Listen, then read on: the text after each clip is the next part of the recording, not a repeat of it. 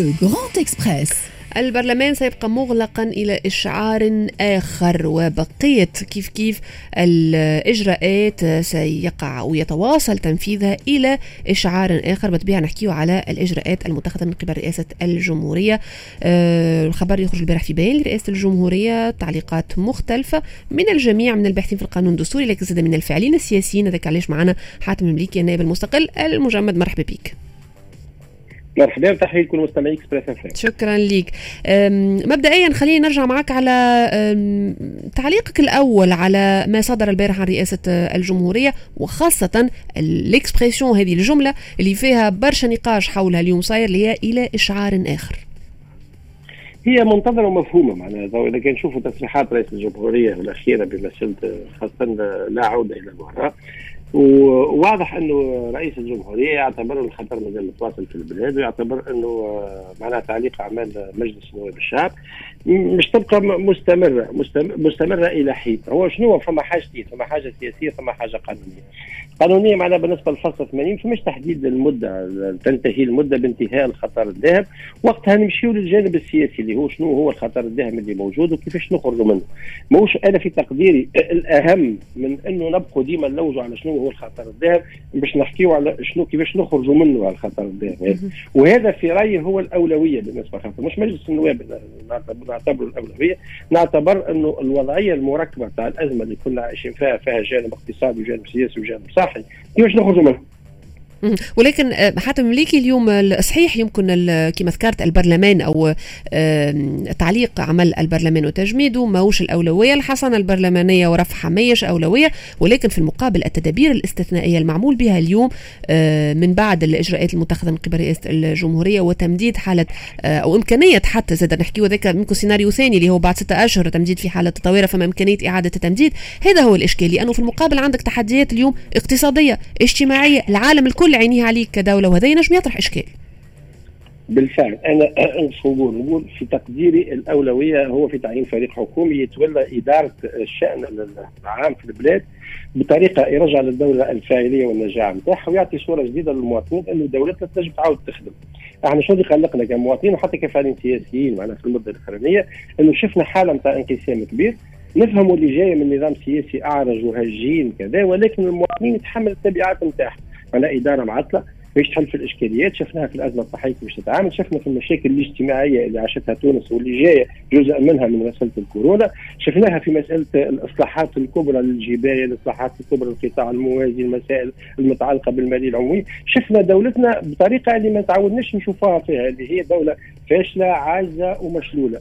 يظهر لي الأولوية هي هذه. إحنا الأولوية بالنسبة لنا أنه يكون فما فريق حكومي يسترجع ثقة المواطنين باش يسترجعها. بالمواطن يحس أنه فما إدارة عاودت تتلهي به، إدارة عاودت تتدخل باش تحل المشاكل، إدارة خرجت من حالة الفوضى والشلل اللي موجود فيها، ما عادش فيها تعيينات حزبية، ما عادش فيها المحاصه، ما عادش فيها الانقسام. لكن حتى هو اللي يهم المواطن. هذا يهم المواطن. لكن حتى المليكي في المقابل زادة اليوم فما بعض النقاط اللي لازم يقع توضيحها.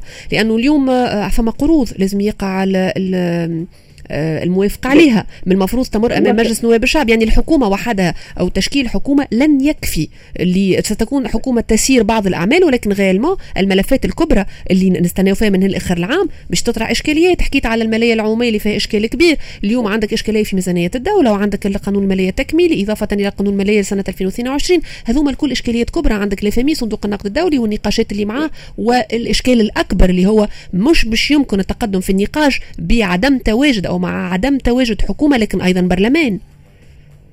نحن نحكيو عن الاولويات دونك الأولوية الاولى بالنسبة لي أنا هو أن تستعيد الإدارة التونسيه الفاعلية والنجاح وتعطي الانطباع والإحساس الحقيقي للمواطنين. التوانسه انه دولتهم قاعدة ترجع بشوي بشويه وقاعده تخدم في الخدمة اللي مطلوبة منها لأنه في الآخر بالكل آه، الناس تدفع في ضرائب وتحط في الميزانيه نتاع الدولة باش تشوف النتيجة نتاعها باش تشوفها في حياتها اليومية.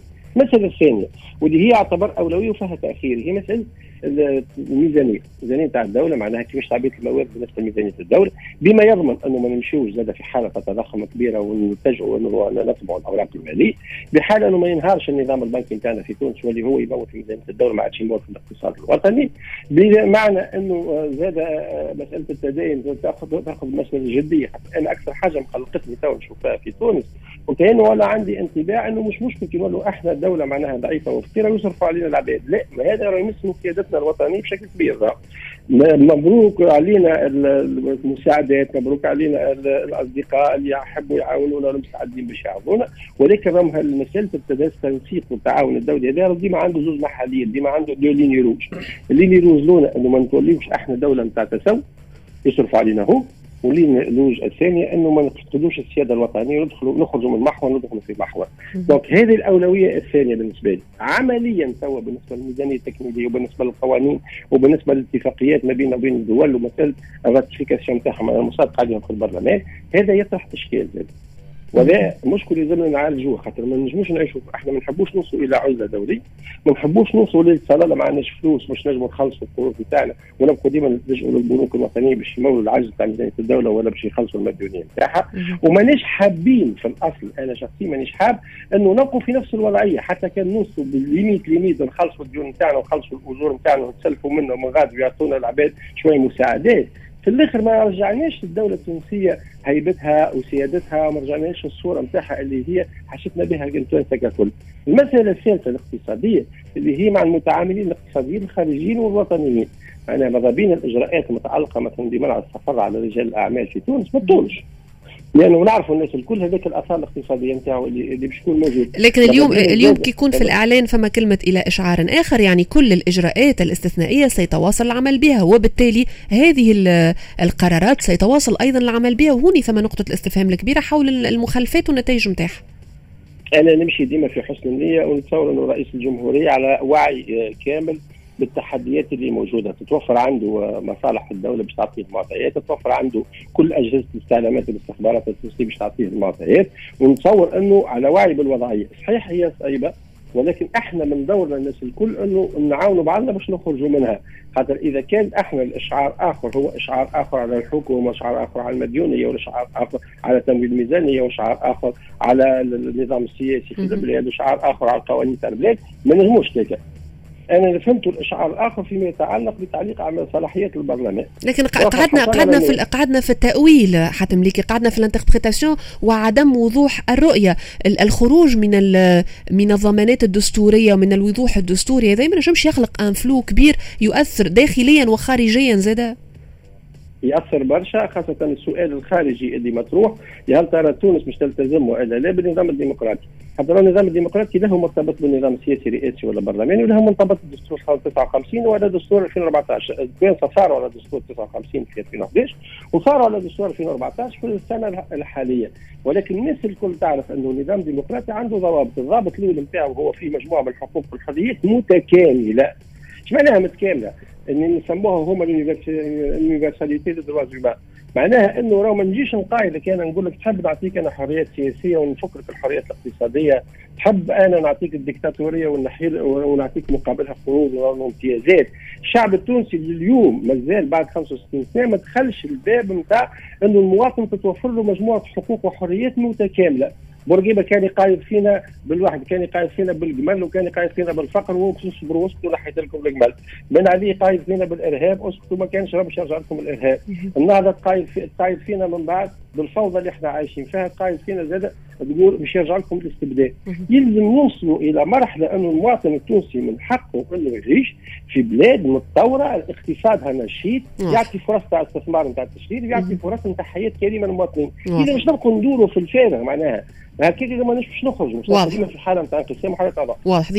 لا ريم الحقيقة نحب نخرج من نبعد شوية من الجانب التقني كنت سفين نحب نرجع آه، بصحاتهم شوية للجانب السياسي. اليوم كيف نشوفوا الانتظارات على الإعلان ولا البيان اللي باش تخرجوا رئاسة الجمهورية. فما انتظارات على حكومة كما تحكي انت فما شكون حتى آه، آه، سيناريوهات يمشي في تنظيم مؤقت للسلطات العمومية دستور صغير. فما شكون يحكي على لجان لفتح الملفات هذه. يعني الحقيقة في وسط المشهدية هذه الكل بعد 25 جويليا سي, سي حاتم نحب نسألك اليوم كي يتم التمديد بالطريقة هذه إلى أجل غير مسمى كما كانت تحكي ريم.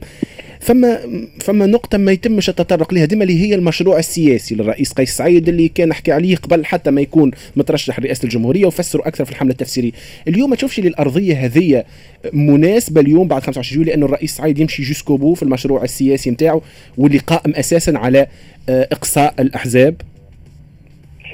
هو طبعا نعرفوه إحنا المشروع السياسي بالنسبة لرئيس الجمهورية حتى كما نعرفوش التفاصيل العملية نتاعو يعني مش باش نترجموا على أرض الواقع. ولكن العناوين الكبرى نعرفوها.